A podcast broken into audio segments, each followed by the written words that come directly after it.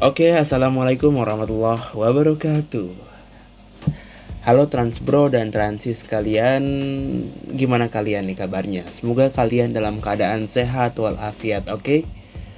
Lama kita nggak berjumpa nih. Senang sekali pada episode ini Trancaster Azam dan juga Trancaster Ikal menemani kalian eh, membahas tentang fasilitas disabilitas nih kan dalam rangka dalam rangka Hari Disabilitas Internasional, yuklah kita merefleksikan gimana sih fasilitas disabilitas di transportasi perkotaan. Nah, kalau dari gue sendiri ya, soal fasilitas transportasi fasilitas disabilitas di transportasi perkotaan itu mungkin udah menjadi sebuah kewajiban dan keharusan mengingat ya itu merupakan standar. Nah kalau itu dari gue sih mungkin gue nggak sendiri nih kan tadi gimana? Gue ada Aikal kan. Nah menurut lu kal gimana kal? Bagi gue uh, untuk menyediakan trans transportasi yang ramah disabilitas tuh memang kewajiban ya dan memang harus gitu. Dan itu tiap-tiap uh, moda itu punya SPM-nya sendiri atau standar pelayanan minimum. Jadi acuannya sih di situ ya, cuman kadang banyak pro kontra juga. Nah ini sih yang mau kita bahas gitu. Oke, oke jadi ya tetap stay tune terus ya Transpro dan Dansis. Nah selanjutnya nih eh, kita mau bahas fasilitas yang udah ada nih di fasilitas disabilitas di transportasi perkotaan yang udah ada nih. Dimulai mungkin dari temen gue ya Ikal ya. Kal lu kan mau bahas tentang fasilitas disabilitas di bis nih. Nah itu gimana Kal?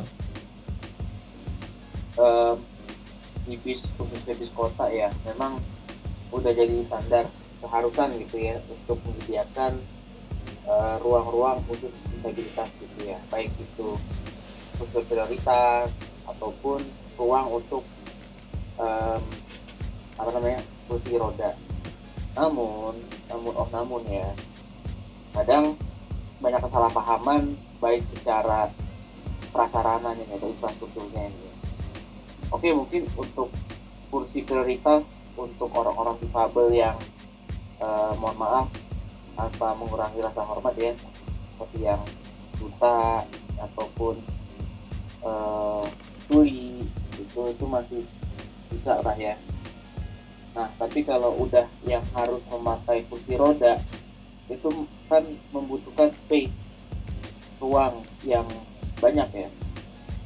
Dan masih ditemuin di bus kota-bus kota di Indonesia ya uh, ini khususnya di kota yang ada di Jakarta ataupun yang ya kalau transportasi lihat tuh ya yang warna biru yang bahan dari Kementerian Perhubungan itu memang uh, ada space di di sampingnya uh, pintu ajaib gitu atau pintu yang tengah itu cuman itu kan bisnya jatuhnya deck tinggi ya high tech iya. Bagaimana si orang dengan pengguna uh, pengguna di pengguna kursi roda sorry bisa naik gitu. Sementara naiknya aja kalau misalnya kita dari halte bus stop yang di pinggir jalan itu undak-undakan dulu naik ke atas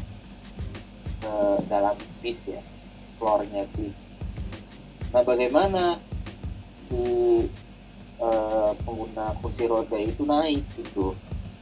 Masa harus diangkat satu-satu dibuka pintunya pintu ajaibnya di tengah? Iya nggak mungkin. gitu kan. Memang banyak inovasi-inovasi kayak di bawah pintu ajaib itu ada dongkrak. Dan banyak sih uh, gua rasa waktu itu gue pernah di Damri ya tenang ngeposting ya tapi balik lagi gitu terkadang hal tersebut diabaikan ya diabaikan. Jadi seolah-olah mending uh, lu spesialisasi aja lah gitu dengan angkutan yang uh, langsung untuk khusus gitu loh. Kayak di Transjakarta Transjakarta Care cuman itu jatuhnya kayak yang sewa yang rental gitu ya. Meskipun ada tarif gratis kalau nggak salah gue kurang paham. Tapi namanya bis kota ini untuk inklusivitas masih tidak bisa dikatakan sempurna untuk inklusif gitu. Semua orang tuh bisa baik itu yang non difabel ataupun difabel. Nah, itu menurut gua masih kurang gitu ya. Nah itu dari bis kota uh, yang deck tinggi nah tapi sekarang udah banyak yang pakai decknya low low deck. Low floor eh, low deck ya nah ini udah pasti nih kalau low deck itu low entry tapi kalau misalnya high deck belum tentu low entry. Nah itu mungkin uh, jadi uh, sedikit ya.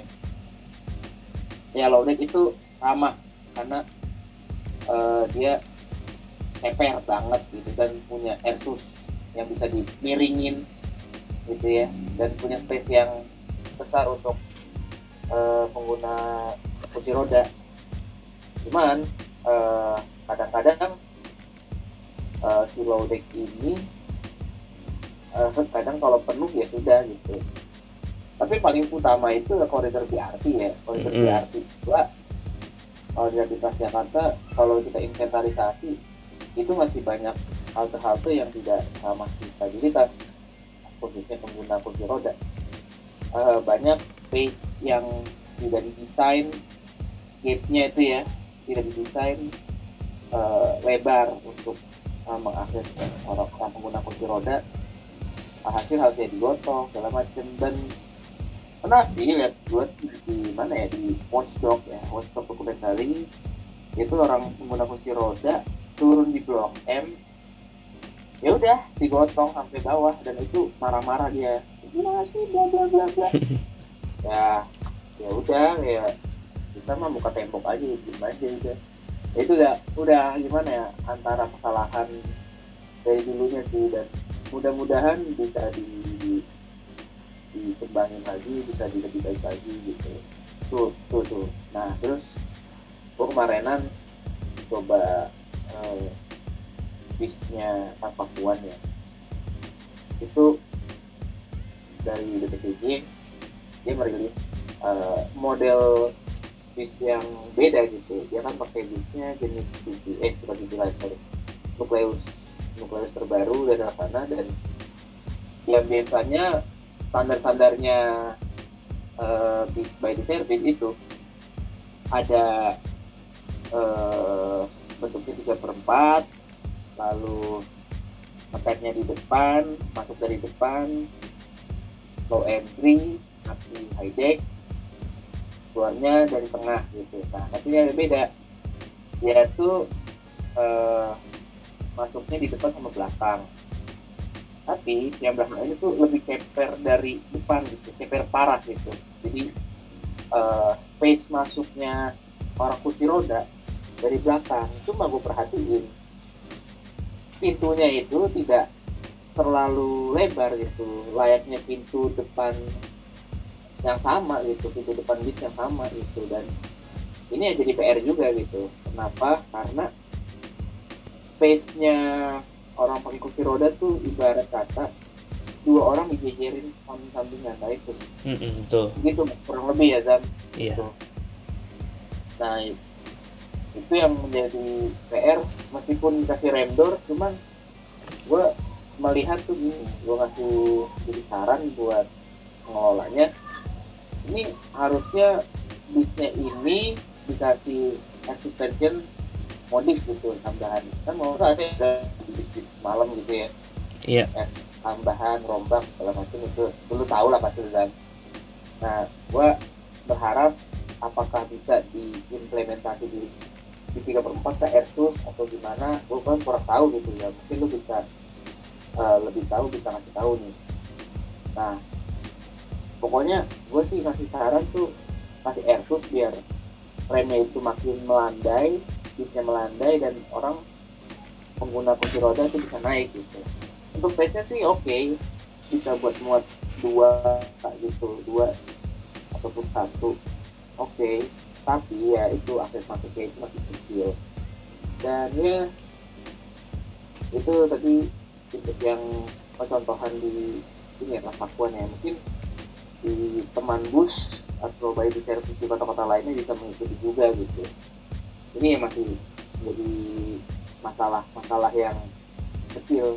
Tapi uh, terlihat besar. Mana ya? Eh terlihat besar tapi terlihatnya kecil tapi Iya, terlihat dampaknya besar. balik tuh.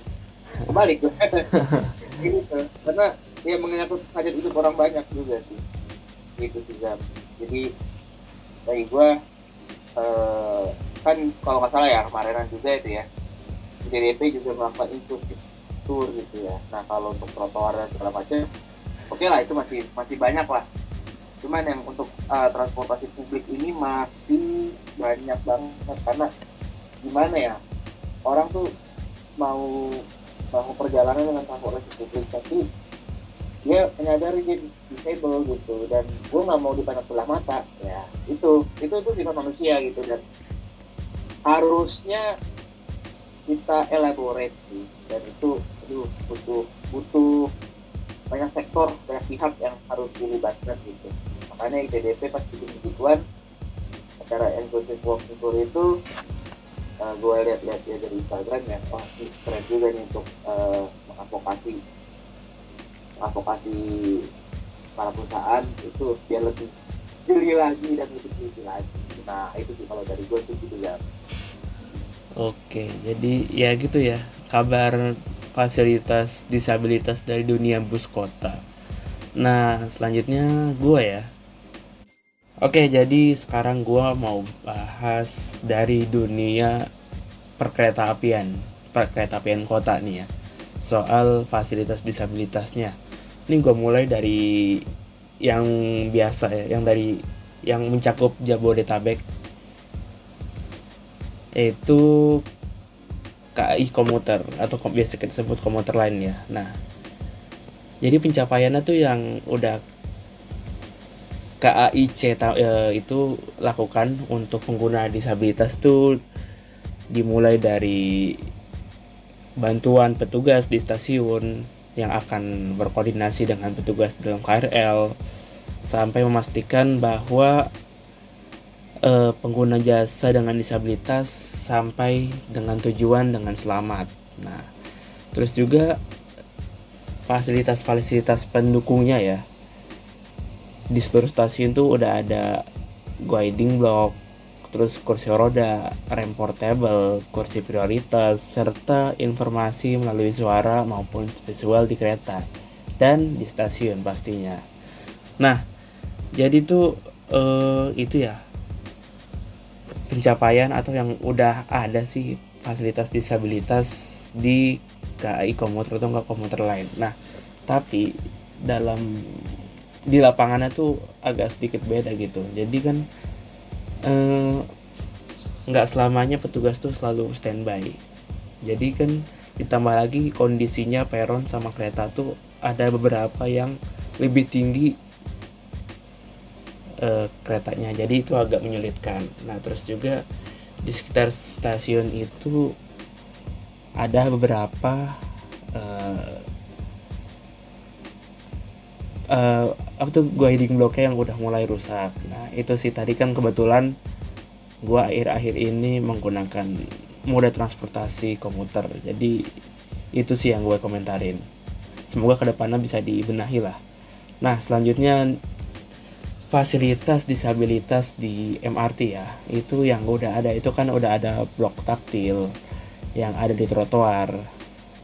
Yang kayak sistem lantai berstruktur sebagai panduan langkah bagi tunanetra terus braille kayak huruf timbul layar informasi terus pintu tab khusus kan yang ada khusus buat apa tuh kal yang pengguna kursi roda yang agak lebih besar daripada yang Iya. biasanya. Nah, terus pengumuman, pengumuman yang lebih sering di stasiun sama dalam kereta untuk mudahin tunanetra. Ada toilet khusus juga. Nah, sama kayak komuter di MRT juga ada toilet khusus.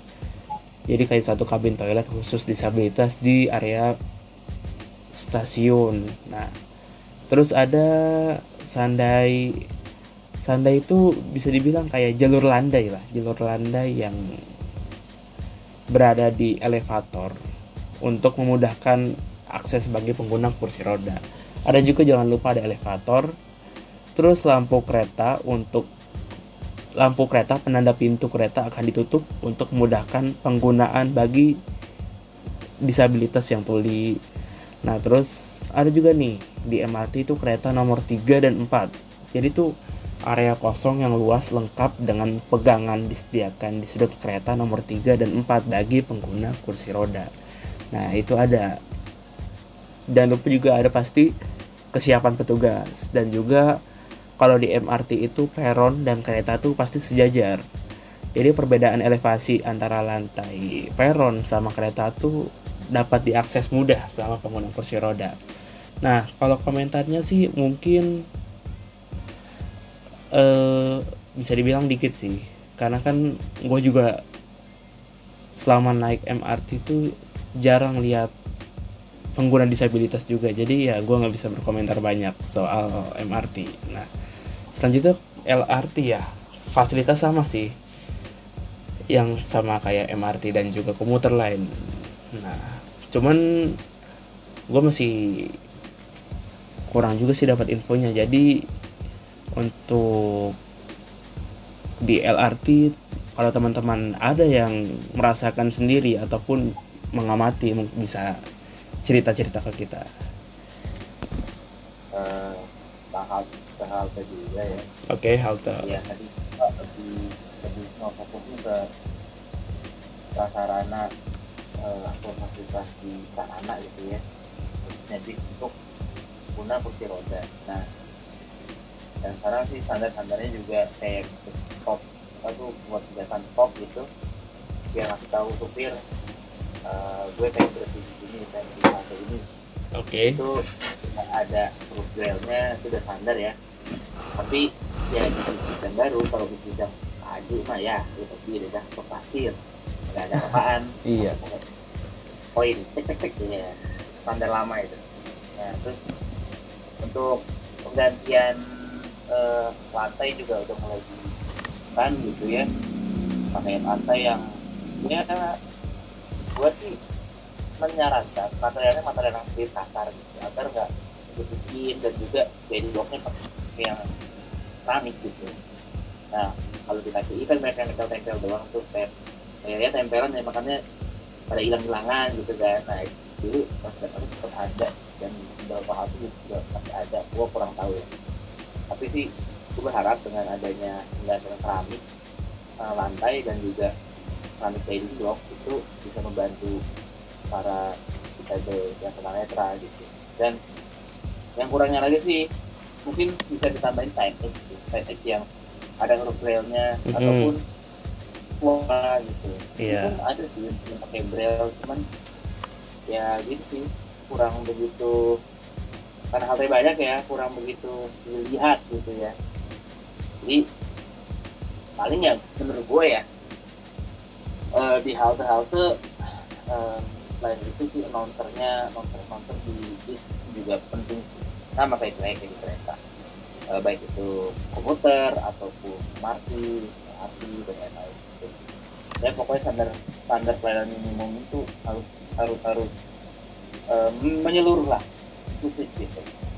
Kalau dari gua sih begitu tambahan nah untuk di hari peringatan disabilitas tanggal 3 Desember nih apa yang lu harapin nih untuk fasilitas disabilitas uh, di transportasi perkotaan? Pribadi gue sih ya cara punya aja ya.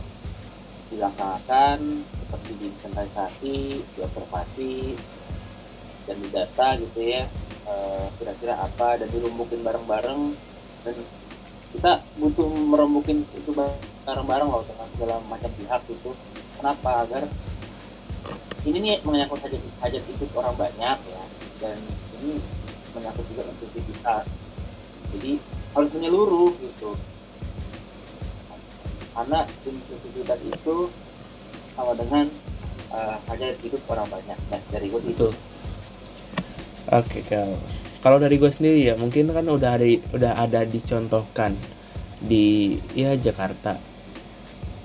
Dimulai dari bis kotanya terus juga moda keretanya dan juga mas, mungkin masih banyak lagi. Nah itu bisa diimplementasikan ke kota-kota lainnya di Indonesia.